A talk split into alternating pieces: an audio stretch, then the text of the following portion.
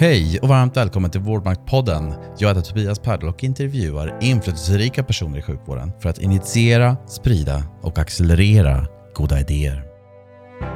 I förra samtalet med Emma Spak, ST-läkare i allmänmedicin och samordnare för nära vård på SKL, diskuterade vi om hur viktigt det är att vi vågar skydda rebellerna i sjukvården, som har modet att utmana och att kliva utanför boxen för att göra framsteg. Och jag är glad att flera av er som lyssnar har återkopplat fina ord om samtalet och om Emmas klokheter i synnerhet. Stort tack! I avsnitt 26 talar jag med Christian Unge, disputerad överläkare i internmedicin på Karolinska Universitetssjukhuset Huddinge, framgångsrik författare och delgrundare av Ronden Podcast, som bland annat jobbat för Läkare utan gränser i Afrika och som forskar på sepsis i akutsjukvården.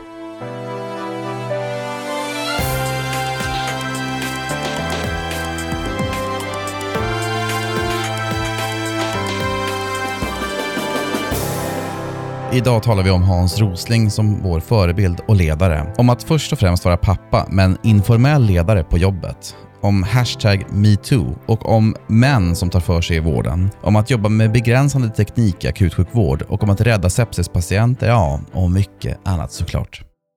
Varmt välkommen till Vårdmaktpodden, Christian Unge. Tack Tobias. Hur mår du denna morgon? Jag mår bra. Barnen var på gott humör på morgonen, så att, uh, det var en bra lämning. Det kan ha att göra med att de åt väldigt bra igår kväll kanske? Eh, ja, att det är fredag framförallt. Att det är halvdag på skolan. Då brukar de må, må bra. eh, alla på gott humör inför helgen. Du Christian, när du går bort på middag med din fru mm. och du blir placerad bredvid någon som du inte känner och inte känner dig. Och så börjar du berätta vad ni gör om dagarna. Vad mm. presenterar du dig att du gör då? Eh, det beror på vilken, om jag är Dr Jekyll eller Mr Hyde den veckan. Ja. Jag kör två veckor, två veckor i princip. Så att om, om det råkar vara då en läkarvecka, så berättar jag om mitt jobb på Karolinska sjukhuset Huddinge. Eh, där jag jobbar på akutkliniken. Det heter Funktion Akut, men jag säger akutkliniken. Jag håller fast vid det. Jag är överläkare på eh, akuten, specialist i internmedicin. En annan vecka när jag är eh, författare, det brukar bli längre samtal kan jag säga, då berättar jag att jag har suttit idag på Kungliga biblioteket, KB. Det är min Eh, arbetsplats ofta.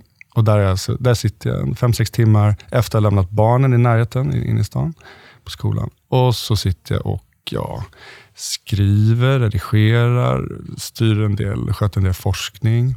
Eh, och poddar en del. Eh, sitter och klipper min, min egen podcast ibland. Så, så, det är antingen eller? Ja, det, det, är väldigt så. Och det är väldigt, alltså för när du frågar så, om man sitter på en middag. Jag är väldigt inne i just det jag håller på med, väldigt liksom fokuserad. Och tycker att båda de här världarna är svinkul, helt enkelt. Har du någonsin presenterat dig mm. som bara producent och värd på Ronden Podcast? Nej. Nej, det, det gör du inte? Nej, det brukar komma ganska långt ner på listan. alltså, det beror, ja, ja, nej. Först och främst är ju liksom familje pappa till tre barn och har en fantastisk sambo och bor i en förort till Stockholm. Christian, jag vet att du har lyssnat lite grann på podden, åtminstone tidigare. Ja. Eh, Vårdmanpodden alltså. Absolut. Fråga, är det något samtal där som du tyckte var givande och som du ja, men har jag, tänkt på? Ja, men alltså, det är kul med Vårdmanpodden för att jag har lärt mig så mycket i princip. I, alltså, jag har inte lyssnat på alla nu senaste tiden, men alla samtal har gett någon infallsvinkel på vård. Jag, jag är dålig på namn, men han som pratade om eh, primärvård uppe i Norrland, Peter Berggren. Superspännande. Det, det är nog det samtal som jag har liksom också återkommit till i snack med kompisar. Hur inspirerad jag var av att höra han, hans liksom lösningar, konkreta, smarta lösningar på hur man ska nå patienter på bästa sätt. Jag har lärt alltså jag, jag måste tacka dig, det låter så smörigt, men jag måste tacka dig för att du har för, du, jag, skulle inte, jag skulle inte fortsatt lyssna mer än fem minuter om jag inte kände att, jag, att det gav mig något. Och det har, jag har lärt mig saker. Jag har lärt mig saker om organisation inom vården, så det har jag lärt mig supermycket på. Var det din dröm att bli läkare när du var liten? Nej, jag har skrivit en bok som kommer ut i februari. Eh, den boken heter Har jag en dålig dag kanske någon dör. Kom ut på Norstedts i början av februari. Och Den boken inleder jag med ett samtal med min, eh, en av mina söners klasser. Jag var och snackade om hjärt-lungräddning häromdagen. Och eh, då så fick barnen snacka lite om läkare, ställa frågor till mig om läkarrollen och akutsjukvård och sådär. Och så började de fråga, ja men syr du? Nej, jag är internmedicinare så ser inte så mycket. Så har du gjort några misstag? Jo, jag har gjort misstag. Har du gjort, nej, du har inte flera misstag. Jo. Och så liksom var det alldeles tyst, så räckte någon upp handen. Men har någon dött? Ja, tyvärr har någon dött på grund av mina misstag. Och, den där, liksom, och det blev alldeles tyst i, ja. i rummet. Samtal med den här klassen, de, de, går i, de går i två, de är sju år gamla. Det blev en, liksom en fin inledning till den här boken, så jag skrev ner den dialogen som blev första sidan. Och sen kommer jag, apropå din fråga där, och så är första meningen sen i själva boken, det enda jag visste när jag var liten var att jag absolut inte skulle bli läkare. Så, och det, så var det. Så vad är då ditt första minne av sjukvård? Det var nog när jag, det är en konstig sammanblandning, men vi var ute på landet i skärgården och jag vet inte om det var jag som petade i min brors öga eller om det var mitt öga som blödde. Och vi fick åka, om det var liksom båt eller helikopter, någonting väldigt dramatiskt in till sjukhuset. Alltså vi var, någon av oss var fyra, fem år kanske. Den här stressen, eh, dramatiken och från min pappa särskilt, för han var väldigt katastrof, eller är väldigt liksom, katastrofinriktad. eh, så, med, med, sina egna barn. Och det har gått i arv tyvärr. Alla växlar eh, mm. går igång alltså? Mm. mm. Du, du, blev ju läkare ändå till slutändan. Jo. Via lite andra Motvilligt. vägar. Ja. Det var uteslutningsmetoden och någon slags magnet som ändå drog mig in i det där. Jag prövade massa andra saker. Jag skulle bli musiker, gick i musikskola, Adolf Fredrik, spela gitarr i olika band även sen då när jag började på universitetet. Så jag ville bara läsa. Jag läste massa grundkurser, psykologi, statsvetenskap, sociologi. Men så kom jag till just psykologin. Så läste jag ihop en filkand i psykologi. Och när vi kom till de här kliniska kurserna, om, jag kommer Johan Kullbergs bok om psykiatri, klinisk psykiatri. Ja, den var så fruktansvärt spännande om de här patientfallen. Psykos, schizofreni. Nej, men den boken den, den var nog helt avgörande. Parallellt med att jag hade jobbat, rest och liksom fnulat väldigt mycket på vem jag var och vad jag ville göra. Så var det också en annan grej som hände. Jag stod i kön på, till Stureplankompaniet när de, när de sköt. Det här var 94, så vi var ett gäng kompisar där. Och De sköt och flera av vännerna blev skottskadade, en dog. Och som jag liksom ändå bekant till familjen. Och Jag stod längst bak i den här kön. Eh, och eh, var ganska berusad.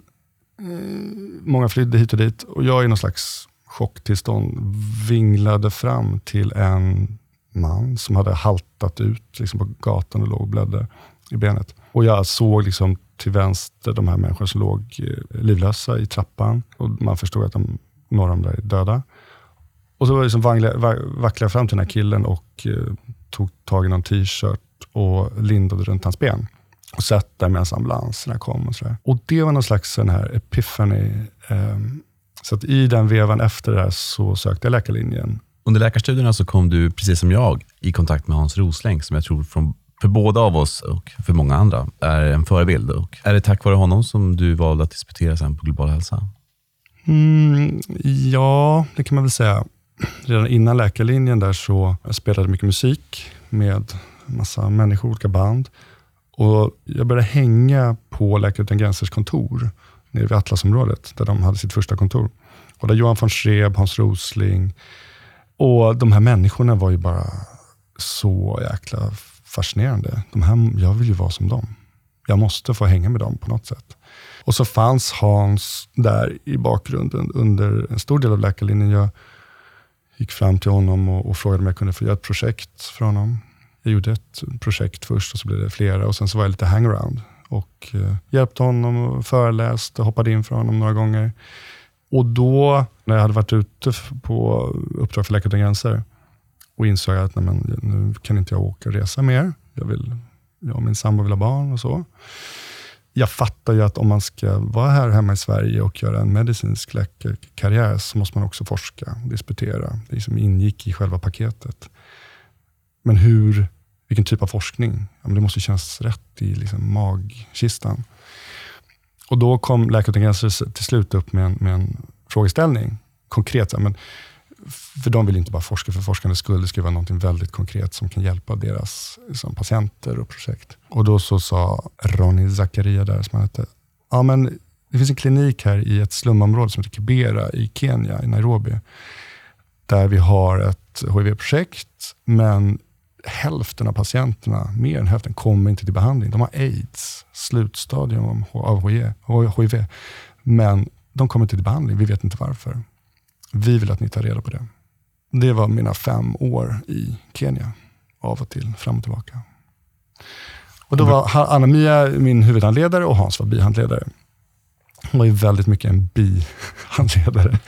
eh, ja, ja. För då hade han liksom börjat flyga upp i luften och Bill Gates och hit och dit. Och, eh, men han var mer som ett, tror jag, som du, för dig där, alltså inspirationskälla, stöd. Eh, men det allra, allra, allra viktigast för min del, om du frågar mig om vad Hans Rosling betydde. jag verkar bli lite rörd när jag tänker på det. För att han hade en grym förmåga att eh, ge ansvar, dela ut ansvar till människor och få dem att växa. Eh, jag kommer ihåg han ringde och ville att jag skulle hoppa in på någon föreläsning. Men Hans, jag är inte Hans Rosling. Jag, jag, jag kan knappt det här du snackar om. Jag vet att du kan, gör det. Liksom. Och då växte man de här två centimetrarna och gjorde det. Jag tror att många i hans omgivning just kände det. Jag tänker så otroligt ofta på Hans när jag tänker på dåligt ledarskap. Det vill säga, han stod för sånt bra ledarskap, men jag ser så mycket dåliga exempel på motsatsen så att säga, till Hans. Eh, folk som trycker ner folk, alltså chefer, chefer inom vården. Du jobbade för Läkare Utan Gränser. Mm. Så kan du berätta bara kort hur det var att jobba för dem och sen komma hem till Sverige? Man hamnar i en kontext som är väsensskilt från den svenska lugna och trygga mm. sidan. Mm. Och man är vind för våg, väldigt ensam, mm. dålig access till beslutsstöd, annat dig själv. Mm. Och så kommer man hem och möter liksom helt annat krav på dig från alla möjliga håll och mm. kanter. Bara prata för mig själv. Jag, jag åkte ut. Det var en chock först när jag kom ner till liksom, Burundi och skulle jobba med hiv-aids och patienter. Och var väldigt själv, som du sa, och göra kejsarsnitt efter en månad själv. Eh, så jag, jag, hade liksom en väldigt brant liksom, inlärningskurva. Och sen så hittade jag en platåfas där jag tyckte det var tröttande och jobbigt, men, men otroligt kul. Det jag lärde mig där i Burundi var ju väldigt mycket att förlita mig till mina händer, det jag såg och Eh, när jag undersökte patienter och det jag kunde prata med dem om, alltså anamnes och status. För jag hade ingen röntgen, jag hade inget labb. Väldigt begränsade resurser. Och det har jag liksom använt mig väldigt mycket av. Jag har en fantastisk eh, eh, kollega, Atik Islam, som, som kommer ursprungligen från Bangladesh och som är den här liksom, ja, men lite äldre, för mig perfekta kliniken som hela tiden återgår till status, ska känna på leverkanten och allt det här. Och att det är där man kan inte göra hur mycket utredningar och undersökningar och eh, så. Man kan inte förlita sig till det enbart, utan man måste gå tillbaka till, till kärnan av att vara läkare. Jag tycker det är otroligt viktigt att man berättar när man har gjort fel och att man vågar göra det. För att man är bara människa och det är ofta så som vi har lärt oss, men vi pratar inte så mycket om det. Nej. Vi har inte en kultur av att eh, mm. vi ventilerar det regelbundet eller ett fora för det. Mm. Vill du bara dela med dig om ett exempel när du har, be har begått ett, ett fel som du lever med fortfarande? Eh, påsen är stor. Jag kan ta ett exempel. När jag, när jag var eh, AT-läkare i Örnsköldsvik, så var jag liksom den klassiska eh, ung, kaxig, manlig, för det måste jag ändå betona könet där, läkare, för att tyvärr så ser jag fler manliga unga läkare som har lite hybris än kvinnor. Jag håller med, 100% där. Um, och så tyvärr måste jag generalisera också och säga att kvinnorna är, den kvinnliga läkarna, ja, mer pålästa, men ja. de framförallt har liksom en mer försiktigare i och, i, vad ska man säga, mer samvetsgranna också. Jag var en typisk sån manlig läkare som kommer ut och liksom exploderade ut från läkarlinjen och ville jobba, jobba, jobba direkt. Och tyckte det var så fantastiskt kul. Så på den här akutmottagningen så, i Örnsköldsvik jobbade vi några AT-läkare jämt och eh, tyckte det var jättekul. En av de här dagarna, eller kvällarna, så kom det in en patient, uh, ung man, medvetslös. Han hade hittats ute på gågatan där nere vid Stadt, Stadshotellet. Och eh, jag började undersöka honom, hittade inga blåmärken, inga skador. Vi förstod, jag förstod inte vad det var. Jag stod där och fnulade på, vad kan det här vara orsaken? Det, så, poppar upp i huvudet, ja, men det är klart han har haft en hjärnblödning. Han har haft ett sånt här aneurysm, ett åderbråck på kärlen i hjärnan och det har exploderat och han har ju nu en subarakblödning, en blödning i hjärnan. Han måste upp på datortomografin. Tjoff, tjoff, snabbt, snabbt. Sådär. Eh, och så ringer de uppe från röntgen, en sjuksköterska säger, du, eh, hans blodsocker låg på ett. Eh, så vi har gett honom lite socker här och han börjar pigna till nu. Och så kom han ner till akuten och eh, jag kommer inte ihåg om de hade gjort den här datortomografin, men, men, det hade de säkert gjort och den var blank, alltså det var ingen blödning.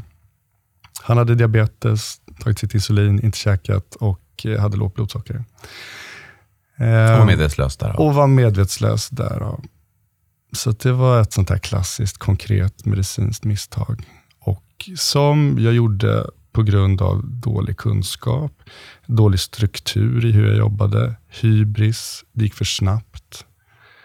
Jag kommer inte göra samma misstag igen, men jag menar, det ska inte vara så att alla saker man gör är på grund av, inte tack vare, att man har gjort ett misstag. Liksom. För att den här gången gick det bra. Peppar, peppar.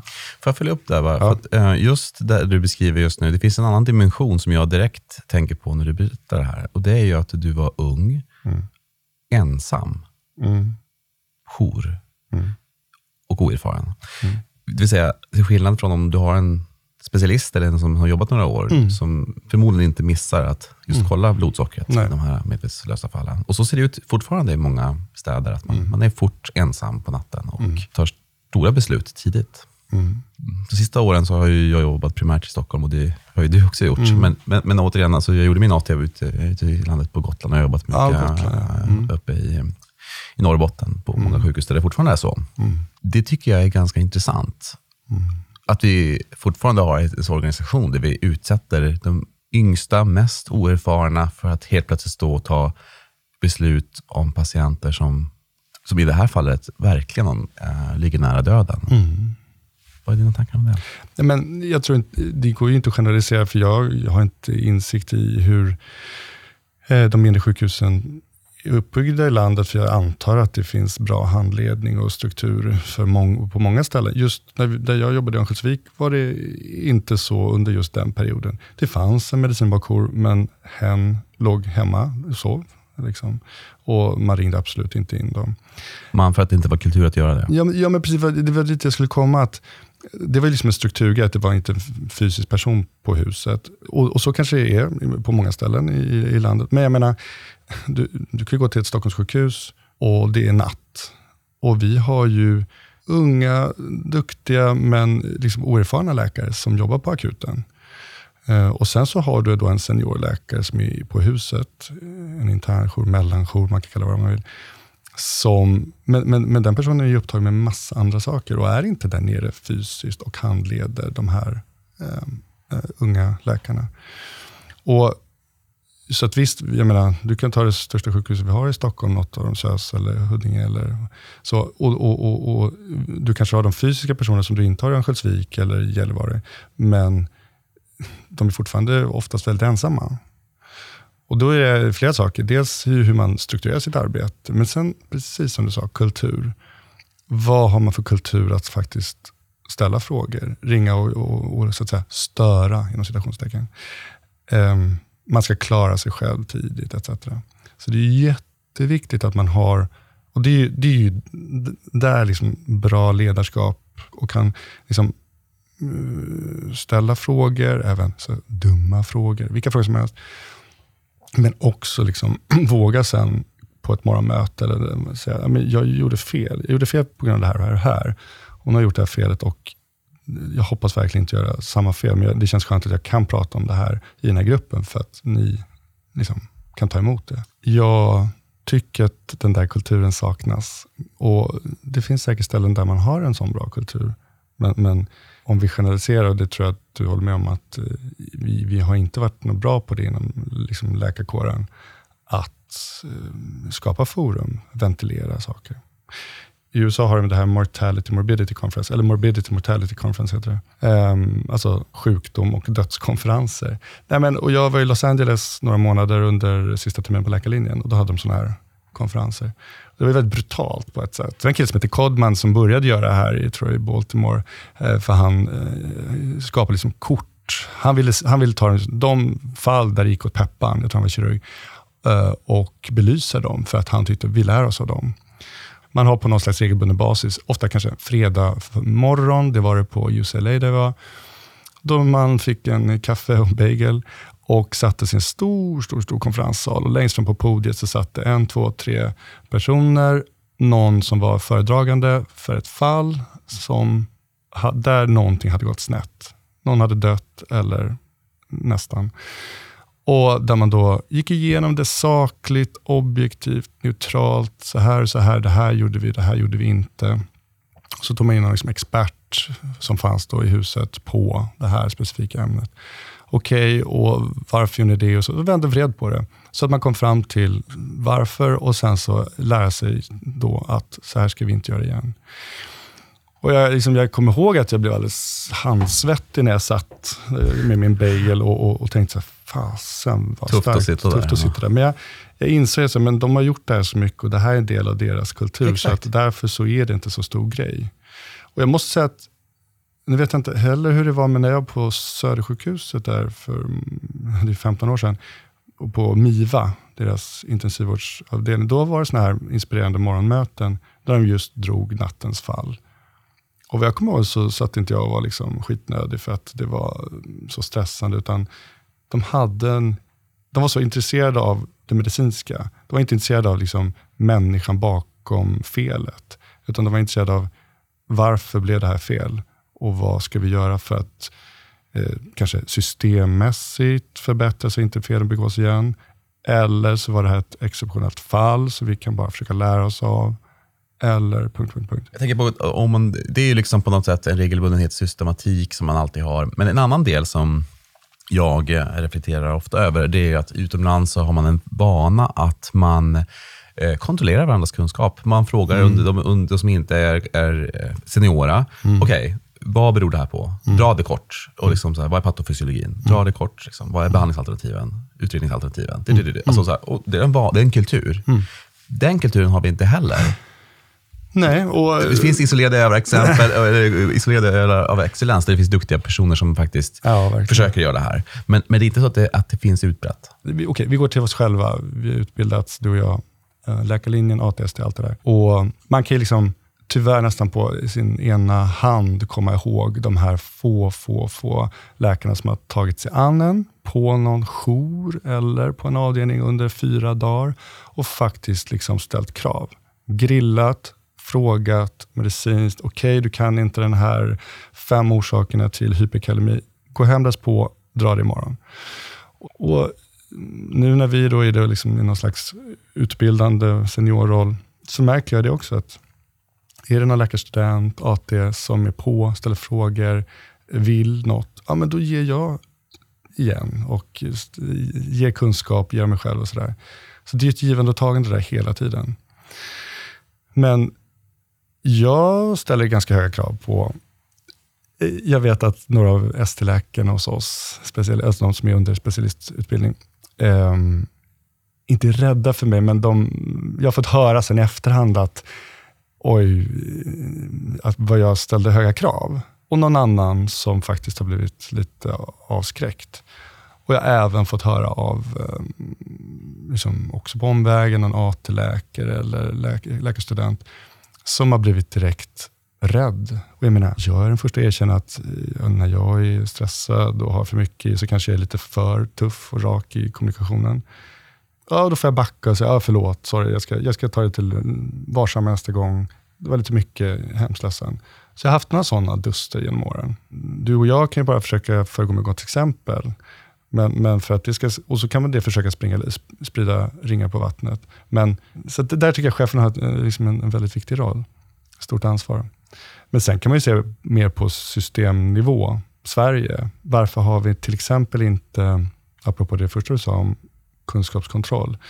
Varför har vi inte såna här board exams som de har i anglosaxiska världen? Recertifieringar, precis. Recertifiering, det vill säga det här kan ja, jag bara nämna, ja. att det märker jag hela tiden när jag tar upp den frågan. De allra flesta blir frapperade. när de får höra ja. att det inte sker någon Nej, för om du pratar kontroll. utanför sjukvården, alltså, så är det ju så här tyvärr, måste man erkänna, att när du blir specialist, det kan vara 35, 40, 45 är man väl ungefär oftast, så efter den dagen så kommer du aldrig mer kontrolleras på din kunskap i Sverige, svensk sjukvård. Och jag menar, ta paralleller till att vara brandman. Du, du har fystest för att få kunna liksom gå in i en...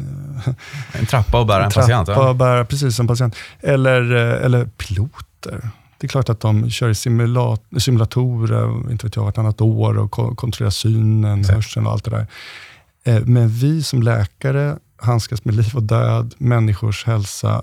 Vi kontrolleras inte på kunskap. Det, det, det förutsätts att vi gör det på någon slags eh, egen driven basis. Och det är jättekonstigt. Och, det, och då kan man säga, det här, det här har diskuterats säkert många gånger inom sjukvården. Varför, och det, det, är liksom, det här borde ligga på de olika specialistföreningarna och så. Men varför inte bara nationellt säga att så här måste vi ha det på just alla de här specialiteterna. Måste ha recertifiering var tredje, vart femte år, någonting. De som bestämmer över oss antonar att nej, men ni behöver inte recertifieras. Nej, men och vi, därför vi kontrollerar heller inte varandras kunskap. Jag menar, om du är specialist, hur ofta hör du någon överläkare för du, kan du det här? Jag, jag, tycker att du borde kunna det här. Jag tror att om vi skulle börja införa det helt plötsligt, bara ja. ad hoc, ja. så tror jag att det är många som skulle ta det personligt. Ja, exakt. Du är ute efter mig. Ja. Vad, vad, vad vill du? Du startade en podcast som heter Ronden Podcast, mm. som, tillsammans med Anders Ternhag. Och Totte Stub som numera inte är med, men Nej. Märit Halmin. Ja. Hon har också varit med gäst här ja. i podden. Um, med, det måste ju vara den största medicinska podcasten i Norden med tiotusentals lyssnare. Nej, det vet jag inte. Jo, jag säger att det är det. Nej, nej, nej men den, den, vi har en stadig lyssnarkrets. Absolut. Absolut. Varför startade du den? Uh, jag, Totte och Anders startade den i mitt vardagsrum över en liten whisky för att vi hade en kärlek till liksom, radion och pods generellt. Alltså jag tror alla vi hade, vi lyssnade på Peter Dokumentärer och sen hade börjat lyssna på pods, alltså medicinska pods från USA till exempel. Så vi gillade formatet. Och sen så tänkte vi, det var det ena, och så tänkte vi så här, ja men herregud, eh, det finns någonting i just hur läkare pratar pratar i, och alltid gjort i media. Alltså om du intervjuar en läkare i Aktuellt så blir det, det blir någon slags tonläge som far upp och, och, man ska uttrycka sig krångligt. Och, och, det finns en sån distans mellan... Lite pompöst. Ja, pompöst. Och det är klart att jag raljerar lite och jag tänker på min föräldrar, mm. min pappas generation, 40-talister och sådär lite mer kanske. Men det finns en sån vi och ni-känsla som jag alltid har irriterat mig på. Eh, och den vill jag liksom, jag ville skrapa lite på den ytan. Eh, och komma in liksom i fikarummet och, och lyssna verkligen på ett samtal. Så det var ju som idén. Högt och lågt om medicin, lite bakom kulisserna. Hur snackar läkare egentligen när, de, när du tar bort mikrofonen? Ja, den är väldigt bra. Jag lyssnar på den och jag vill passa på att säga det. Mm. Det är bland annat tack vare Rodde Podcast som jag kör Vårdmatpodden. Ja, vad kul. Uh, att bli inspirerad. Ja, men formen, ja. eller formatet. Ja. Vad är du mest stolt över i ditt yrkesutövande som läkare? Är det när du gjorde ett bylodrän av ett plast... Äh, av en plastbunke säga, i Afrika kanske? Jag tycker att det är en ynnest att få vara läkare. Jag tycker ja. att det är så jävla kul. När jag har suttit och skrivit i två, tre veckor, då hoppar jag i stolen och måste till sjukhuset för jag måste träffa patienter. Och just hela den här liksom som vi pratar om, kunskapsmassan. Man, lär, man aldrig, aldrig ens i närheten av att vara liksom fullärd. Så det är bara liksom en kunskapsvåg som man måste gapa och ta, ta, in så mycket man kan. Så det är så himla kul att det är ett helt livsprojekt. Hur ser din work-life balance ut? Har du något tips som du vill dela med dig om hur du får livet att gå ihop? Du har ju många järn i elden. Alltså, mitt, mitt, enkla, mitt enkla livstips är att göra det man tycker är kul. Och Jag gör saker för att jag är nyfiken på dem. Jag skulle sluta byta, jag skulle byta jobb den dag jag inte kände att jag gick till ett jobb där jag tycker att det är utmanande och kul och där jag är nyfiken på det. Så jag är helt liksom luststyrd. Ja, ja. hedonist kan man säga. Jag har två liv. Jag skriver, forskar och sen är jag clean läkare. Och Det är så perfekt för att som sagt, när jag varit någon, några veckor skrivande, då älskar jag längta till läkarbiten. Och så när jag varit där några veckor, då längtar jag till skrivandet. Så för mig är det en perfekt working balance. Att hela tiden, att inte trötta ut mig, inte gå in i liksom väggen för att jag jobbar för mycket med det ena eller andra. Jag ser på min kompis Anders Ternhag, som eh, jag har podden med, London. Han jobbar två, nej, en vecka på, som läkare, överläkare på då, infektionskliniken och sen en vecka på Folkhälsomyndigheten. Perfekt. Två olika typer av jobb, alltså rent fysiskt, att det ena är civilklädd och, och mer liksom framför dataskärmen. Det andra är att gå runt i vitklädd och, och liksom jobba med patienter. Min sambo gör samma sak. Så, och det, det tycker jag, det är väl också ett lite modernt sätt. Så gjorde, tänkte inte vår föräldrageneration. Liksom. Um, men det tror jag är ett, för att hålla i längden, om det är nu ett mål, så tror jag att det är jättebra. Träning? Ja, jag tränar väldigt lite. Jag har alltid varit väldigt fysiskt aktiv, men, men jag eh, läser aldrig sport. Tittar inte på någon sport. Jag, jag, du, du, kan säga, jag skulle inte kunna nämna en enda fotbollskille i uh, landslaget. Um, och jag sportar ganska lite. Ja. Kost? Mycket kaffe är viktigt. Sömn? Jag sover bra. Jag, jag, liksom, så här, jag har en kort startsträcka till det mesta jag gör. Det vill säga att om jag sätter mig, fäller upp datorn och ska skriva en deckare, ja, men då har jag satt kommatecken och så fortsätter jag skriva. Det tar mig 30 sekunder att komma in i det och fortsätta. Och men lite samma, jag lägger mig och sover, så somnar jag. jag har turligt nog kort startsträcka till allt jag gör. Jag behöver inte sitta och liksom fnula så mycket eller invänta inspiration eller sånt där. Utifrån ett akutsjukvårdsperspektiv mm. eh, och överläkarperspektiv, när man är ofta i bakjour till exempel, eh, så vore det intressant att höra, vilka huvudsakliga utmaningar ser du för sjukvården som du verkar i? Mitt perspektiv är väldigt mycket akut, eh, det stora sjukhusets perspektiv. Eh, så jag, jag, det får bli det. Det får bli Stockholmsperspektivet, det vi pratar om just nu, eller i alla fall stora sjukhusets. Och men en, en, en, magkänsla som är väldigt bizarr, det är att varje gång jag går till, till jobbet och ska vara bakjour på en kväll eller helg, så, så vet jag att jag har, vad har Huddinge sjukhus, 600 någonting platser, sängar. Men jag vet att jag kommer varje kväll hålla på och liksom manövrera med de sista 5 procenten platser. Alltså vi snackar det, det, det, blir nästan komiskt när man, när man tänker på det. Att ja, ja, okej, har vi fem, eller sju eller åtta liksom lediga platser nu inför kvällen, natten.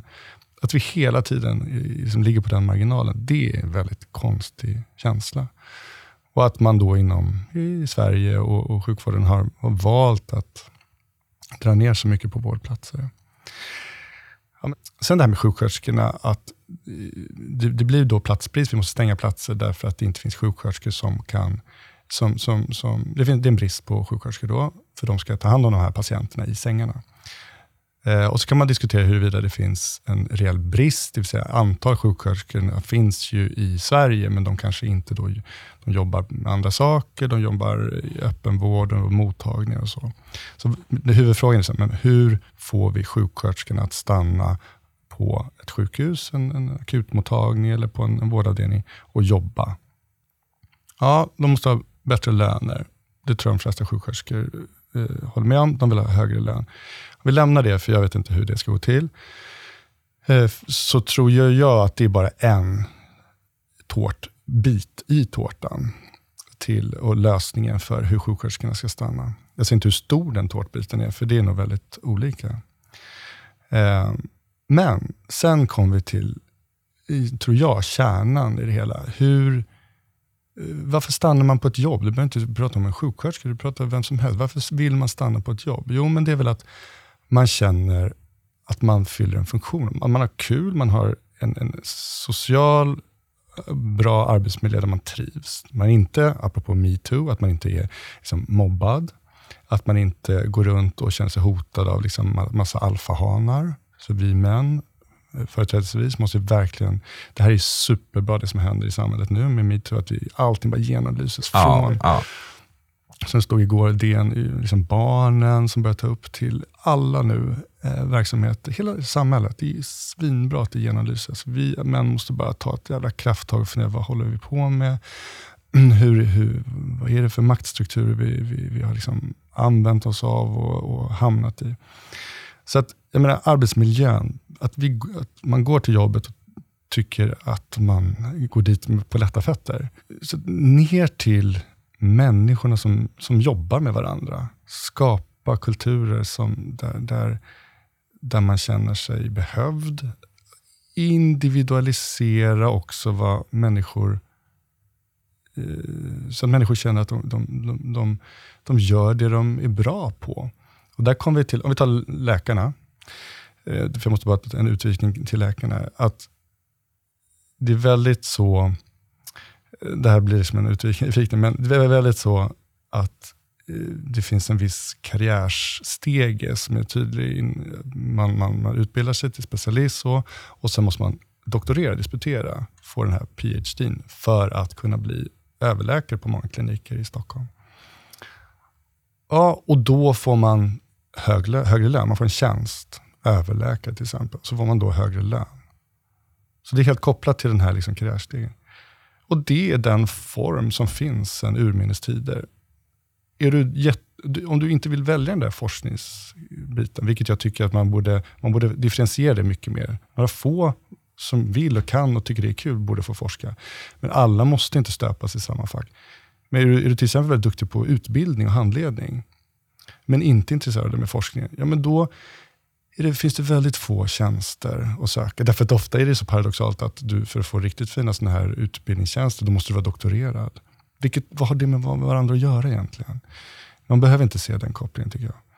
Så att, att ge folk olika typer av utbildningsmöjligheter. Det vill säga, här har vi en forskningsduktig kliniker, men kör på det då. Ge den personen möjligheter på den här kliniken. Här har vi en utbildningsduktig, ja, men samma, lika hög lön, en annan fin tjänst, kalla det för någonting. Den här kliniken är en arbetshäst, jobbar bara nätter, eh, hög kompetens. Eh, ja, men skapa en bra tjänst och, och det har med lön, tjänst, utrymme, administrativa utrymmen att göra. Och på samma sätt för sjuksköterskorna. Eh, måste hitta bra liksom, kompetensvägar där sjuksköterskor som, som är intresserade av forskning så får det. Det kommer ju mer och mer sådana möjligheter. Eh, jaha, men de som då är, är bra handledare, eh, utbildare, ge dem möjligheter till det. Så att individualisera och differentiera olika karriärsmöjligheter inom vården, jätteviktigt. Det är en kort reflektion där. Um, det är ganska vanligt att en chefsjuksköterska har 50 anställda. Och inte sällan att vi läkarchefer också har 30 anställda. Eller så. Det finns strukturella utmaningar mm. i det, att kunna se dig som individ. Om man har 50 anställda, ska ha 50 samtal, uh, utvecklingssamtal, 50 lönesamtal och allt annat såklart. Mm. Och Jag förstår att det är väl det som ligger bakom då till exempel nya NKS här, när man har infört massa, massa fler mellanchefer som ska handskas med färre antal medarbetare. Okej, okay, jag förstår bakgrunden till det och det, det finns något i det du säger. Problemet lite med, med det, om vi tar hela liksom NKS-omstruktureringen, är att det skedde liksom över en natt. Eh, helt plötsligt ska många, många människor som är, inte är utbildade till att bli chefer vara chefer. Och man blir inte en bra chef över en natt. Varje år så drabbas drygt 50 000 människor i Sverige av sepsis. Mm. Det som förr kallades eh, blodförgiftning, mm. att man får bakterier ute i blodet. Ehm, och, um, av dessa så dör mellan 15 och 20 procent. Ett förlopp som kan gå väldigt fort, bara på några timmar. Um, och som engagerad akut sjukvårdsläkare så har du varit med och jobbat med ett initiativ som heter Sepsislarmet. Mm. Eh, i syfte att, att, identifiera de här patienterna tidigare och behandla dem snabbare. och så. Men du har stött på en del problem, vet jag. Uh, och en del utmaningar, inte mm. minst inom tek av teknisk karaktär. Men vill, vill du berätta kort bara liksom, om, om, om det exemplet?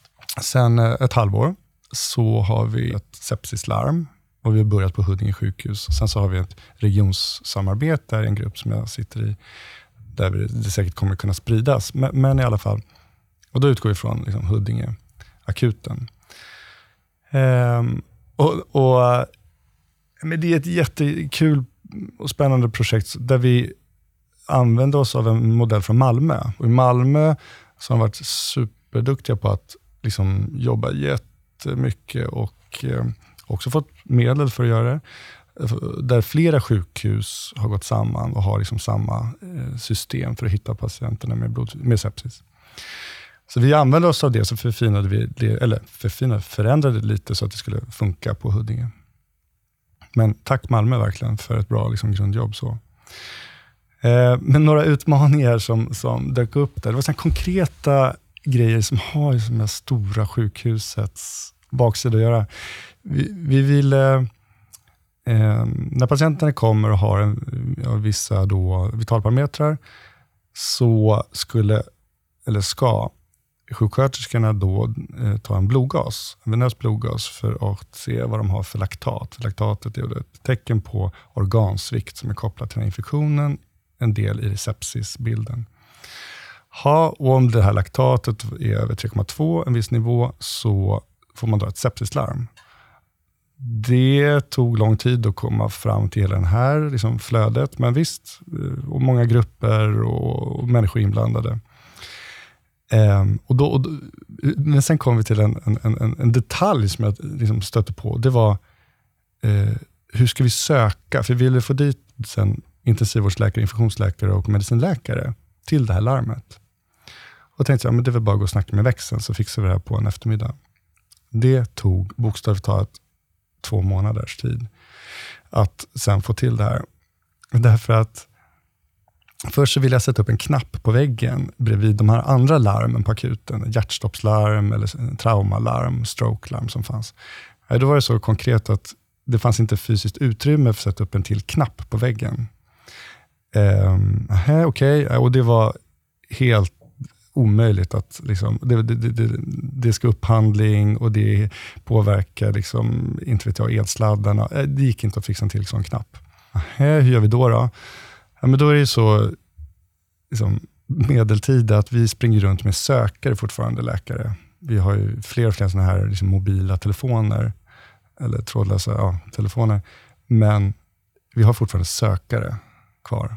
För, för larm har vi det? Mm. Eh, ja, personsökare har vi på Huddinge fortfarande. Det har jag också. Det är sant. Alla men, går runt med en personsökare. Men, men, man kan säga att huvudsakliga syftet med, med personsökarna i liksom dagligdags är väl fortfarande larmfunktionaliteten? Jo, den har väl tagit över så att säga. Men i alla fall, och då, då har vi, vi har olika sökare på de olika jourlinjerna. Och tänkte så här, men hur drar man det här larmet? Men då går jag väl till växeln och snackar med dem. Nå, det var ju inte så lätt. I det stora man tänker så här, Huddinge sjukhus, Karolinska, men det är väl liksom en arbetsgivare. Det är, här borde man kunna bestämma om saker in-house, så att säga. men det är ju massa olika. Det är, vi har Lokum, vi har som sagt, eh, jag kommer inte ihåg vilka som sköter driften med, med växeln och sen har vi liksom vilka som städar. Alltså, det är ju massa olika företag i det stora företaget. Och Det tar väldigt lång tid att eh, liksom, kommunicera mellan de här olika enheterna. Så att eh, vi fick till slut liksom för hand lägga in i, i, i, i datorn något, via något som heter Netpage, alltså det här sök, man kan skicka ett litet meddelande till personsökaren. Eh, så då får sjuksköterskorna skriva in det, gå in en för varje sökning. Sepsislarm, medicinakuten eh, och då har då går det en liten pip till infektionsläkare, intensivvårdsläkare och så har de 15 minuter på sig att komma dit. Det är ett helt okej okay system, men det känns ganska liksom, icke-automatiserat och eh, fyrkantigt. Sen eh, det var massa, för, ja, det är massa delar i det här att intensivvårdsläkarna hade redan säg, sex olika sökningar kopplade till sin larmsökare och där tog det stopp. Det gick inte att ha flera till den sökaren. Så fick du skaffa det gick inte att ha fler nummer? Nej, nummer, förlåt. Ja. Då fick du skaffa liksom en, en, en till sökare fysiskt sökning på ett nummer. Till en. Och du vet att, att alla ska förstå vilket det är nummer, en ny sökare, det tar flera veckor. Och, och, och, och det, det är taskigt, jag menar. Men det är också det här att alla de här, alla då eh, det är så många olika personer som ska mm. blandas in, olika mellanchefer. Därför att som det är nu hos oss, så har vi liksom en sjuksköterskechef, eller fyra eller fem sjuksköterskechefer för akuten. Och sen har vi olika läkarchefer, någon för, för slutenvård, någon för öppenvård, någon för ST-läkaren, någon för underläkarna. Och Du kan liksom inte ställa en fråga till en person, utan du måste hela tiden rikta dina frågor till olika personer. Och Det är väldigt svårt att veta vilk, vart du ska rikta de här frågorna. Och Ibland är det svårt för dem själva att dirigera om. Fråga, när du går på en bakjour mm. en natt, inför en natt, mm. hur många sökare bär du omkring på? Um, ja, men det är ju min personliga, sen så är det en larmsökare, sen så är det en telefon, uh, minst. Ja. Ja, och sen har man mobilen. Så jag menar, det är ju en fyra, fem enheter man har igång. Men det är inget rekord. Jag vet ju gynekologerna har ju klart flera. Ja, absolut. Och jag kan säga på Solna-sidan, när man går på, ja. då tar man infektionssökarlarmet. Alltså ja. Man är uppe i fem, sex ja. olika tekniska enheter som man måste bära på sig. Just det, jag har hört det om. uh, och då kommer det till en annan fråga. Ja. Har du som disputerad överläkare med ansvar för en uh, intensivvårdsenhet, liksom, kan man säga också inom er verksamhet, har du en smartphone? Du menar, nej det är min privata. Exakt, du, ja. du har inte en, en jobbtelefon nej, med nej, smartphone? Nej, nej, nej. nej. nej, nej. Du, du antyder att det borde ingå som jobbperk. Nej, men jag, alltså, bara så söker, det, oh, Ibland så lägger man ifrån sig sökare. Ja. Och hur fan ska man hitta den då? Och de här telefonerna tar ju slut också ja. batteri. Jag det har man ju varit på. Ja. Att, det vill säga, du, du, får en, du, du går på din jour och dagjouren har inte orkat ladda den. Så du får ändå, det piper i den, så du vet att du måste sätta på den, annars kommer den dö. Och så får du ett larm, du springer ifrån den. En annan sån sak, um, när batteriet i sökaren tar slut, ja. var hittar du batterierna? Ja, men vi har, våra sekreterare är schyssta. De, okay, de har ett sånt förråd. Um, när du får larm, alltså Huddinge sjukhus är ett stort sjukhus ska sägas, alltså fysiskt, fysiskt stort. Ja. Uh, på Solna-sidan där jag har jobbat med är också väldigt stort, framförallt många små hus liksom överallt. Ja, men ni ska ju ner i olika kulvertar ja, ja, under mark. Vi, jag älskar Huddinge, för det är, så, det är så tydligt. Det är det, långa det, avstånd, men det är bara det är liksom lite, två långa korridorer. Tjoff, tjoff. Ja, eh, och det gör ju att, att det, det händer aldrig dig att du inte hittar till ett larm.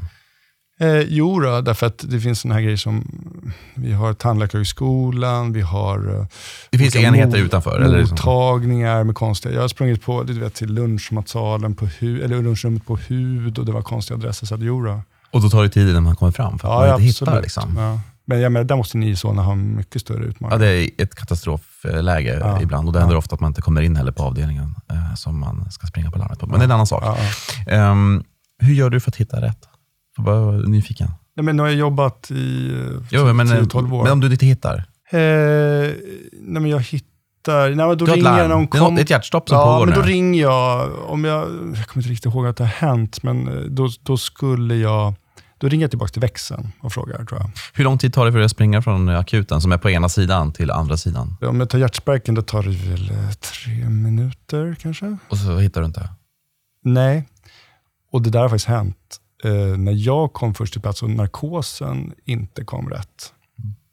Alltså de hade väl fått fel. Det kan ju faktiskt vara så att växeln ger fel, num, fel mm. adress. Mm. Och Det var ju jättedramatiskt. Jag stod på ett, en patient som hade ofri luftväg och, eh, och fick hjärtstopp. Och vi höll på och jag var tvungen, ja, det här, vi måste fixa en luftväg. Och då intuberade jag patienten mot min kunskap och profession. Sen kom de efter några minuter och just i det fallet gick det bra, men det var ingen situation som jag egentligen ville bli utsatt för. Eller borde hamna det här var ju på ett sjukhus dessutom. Ja. Det är där man ska få den avancerade hjälpen. Men man måste säga att det är exceptionellt. Alltså den, vi kommer fram inom några få minuter och jag tycker att vi gör det i 19 fall av 20. Ser du dig själv som en ledare i sjukvården? Nej. Inom organisationsteori eh, så mm. finns det något som kallas för professionell byråkrati, mm. som ganska väl beskriver en sjukvårds eller sjukhusverksamhet, där det formella ledarskapet eh, har ganska svårt att utöva ett reellt inflytande i verksamheten. Mm. På grund av att det finns den reella makten liksom, ligger mm. egentligen hos de informella ledarna. Det är mm. kunskapsöarna liksom, och mm. individer som folk faktiskt vänder sig till när man har konkreta frågor om hur man ska handlägga en patient. Eller ja. vet, logistiken kanske inte heller chefen alltid vet, utan mm. det är andra individer som mm. har den kunskapen. Mm.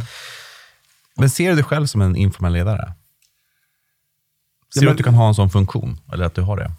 Ja, ja det gör jag väl, om jag är ärlig. Alltså, om jag ska liksom släta över det här så säger jag nej, nej, jag är inte Men jo, men det är jag kanske egenskap av liksom, ja, men lite det där handledare och stå för en viss kunskap och sådär. Jag säger inte att den är unik eller speciell, sådär, men, men ja.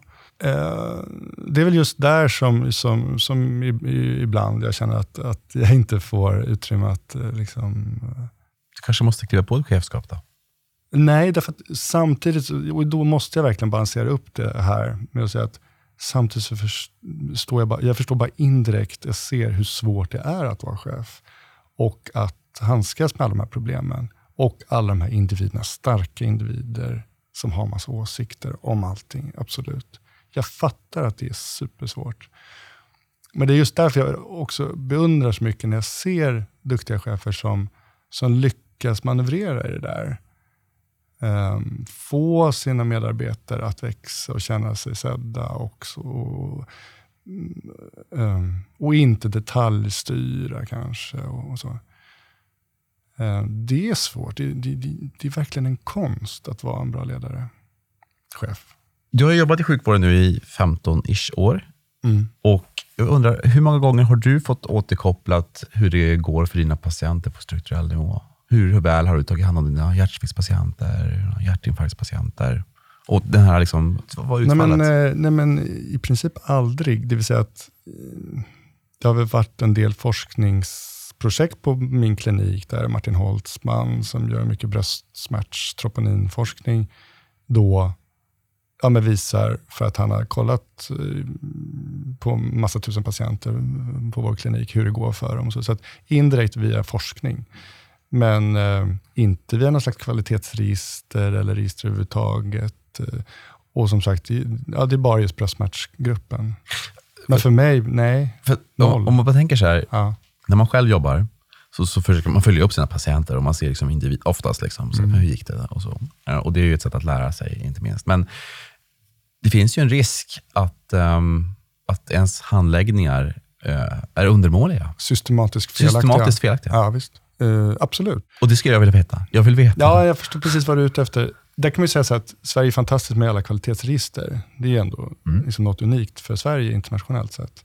Så att vissa patientgrupper har vi superbra koll på. Det är ju ett fantastiskt jobb som görs av vissa kvalitetsregister. Men det är ju mer på något sätt, som du säger, ja, men det är övergripande för den patientgruppen. Det blir inte, liksom, det blir inte personligt för mig i min klinik eller min, mig, hur, hur det går för mina patienter. Um, och sen via en del forskning får man läsa det indirekt. Men det är därför som det är så superspännande på ja, personligt plan att bygga upp nu en prospektiv kohort eh, för de här sepsispatienterna. Idag, kolla, nu har vi 92 patienter som vi har inkluderat. Alltså vi har dragit sepsislarm på 92 patienter och så ska vi få ihop 600 nu närmsta året. De patienterna har vi väldigt bra koll på i detalj och kommer kunna säga väldigt mycket om och lära oss mycket av. Ja, absolut. Jag tänker bara att det eh, åter till utmaningar men också mm. lösningar. Alltså så här, mm. jag tror väldigt viktigt att mm. vi i större utsträckning får återkopplat på individnivå. Ja. Levererar vi bra vård eller inte? Ja. Och du menar inte då, du menar inte då hur många patienter har du tagit sista tio jourpassen på akuten? Verkligen inte. Nej. det kanske finns en, en totalt motsatt eh, korrelation mellan den ja. antalet och utfall. Liksom. Ja. Så det är ju det är jättespännande tanke att få mer personlig återkoppling. I Men tänk om du varje vecka fick veta så här, nu har du handlagt ja. och varit ansvarig för så många hjärtsviktspatienter. Så här har det gått för dem. Och i jämförelse med vad de normalfördelningen är? Ja, normalfördelning och du har följt vårdprogrammen, ja. si och så, liksom 90 procent. Ja, absolut. Eh, vi går till en avrundningsfråga. Mm. Så vad vet du om sjukvården som du tycker att andra borde känna till? Alltså jag tycker, då ska jag bara lyssna på Vårdmaktpodden, där lär man sig jättemycket om, om vården. Jag, om jag personligen, jag ska publicera framöver i både Läkartidningen och säkert andra tidskrifter om sepsis. Så blodförgiftning ska jag försöka föra ut till en bredare publik. Vad är det viktigaste där? Tidigt identifiera och tidigt sätta in antibiotika. Men också på en allmännare nivå, primärvården, allmänheten, tänk sepsis. Det vill säga, det är inte det stora eh, röda såsiga såret på handen eller benet och feber 40 grader, utan den här eh, äldre människan som plötsligt blir förvirrad och inte alls har feber.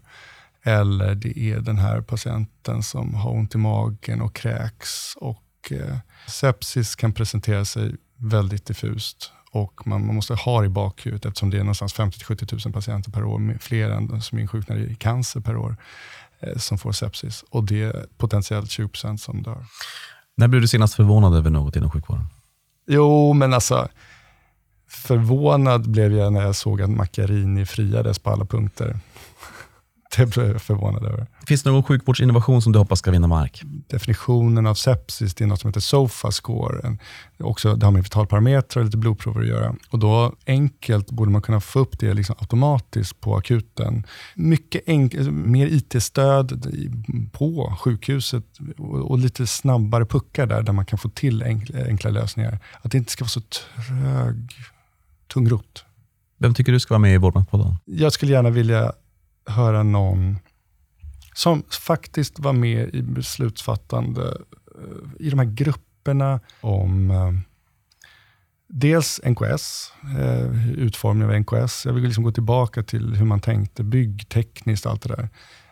Men sen skulle jag också vilja höra någon självkritiskt fnula på hela omstruktureringen av NKS med te teman och funktioner jag, vill, jag, för jag förstår själv inte riktigt hur det går till och varför. Samson, absolut. Sjukhusdirektören på, eh, på Karolinska, ärligt. Men finns, det någon, finns det några tankar kring eh, att det kanske inte var det bästa och, och så? Mm. Hur kan man nå dig om man vill veta mer om dig eller att man vill fråga dig någonting? Ja, finns i sociala medier, även om jag inte är så aktiv. Men Instagram, eh, Facebook, Twitter. Christian Unge. Och Ronden. Lyssna på Ronden. Där kan man höra lite. Um, är det något som du hade önskat att få tala om, eller ja, som du tänkt att tala om idag, som vi inte har berört? Eh, ja, men jag kan gärna återkomma. Det vore kul att prata om, mer om organisation, alltså, för där vet jag att du kan mycket. Jag, skulle vilja, kanske, jag kanske ska intervjua dig någon gång i Vårdmaktpodden, så jag får lära mig lite om Nej, men mer organisation. Och just Stockholm, alla de olika sjukhusen. Hur ska man kunna få till en liksom mer enhetlig vård? Att inte alla sitter uppfinner lite hjulet på olika håll och kanter. Stort tack för att du var med i Vårdnadspodden, Christian Unge. Jag är otroligt glad och tacksam. Det blev ett väldigt fint samtal och det tror jag att de som lyssnar också tycker. Tack för att jag fick vara med. Det var kul.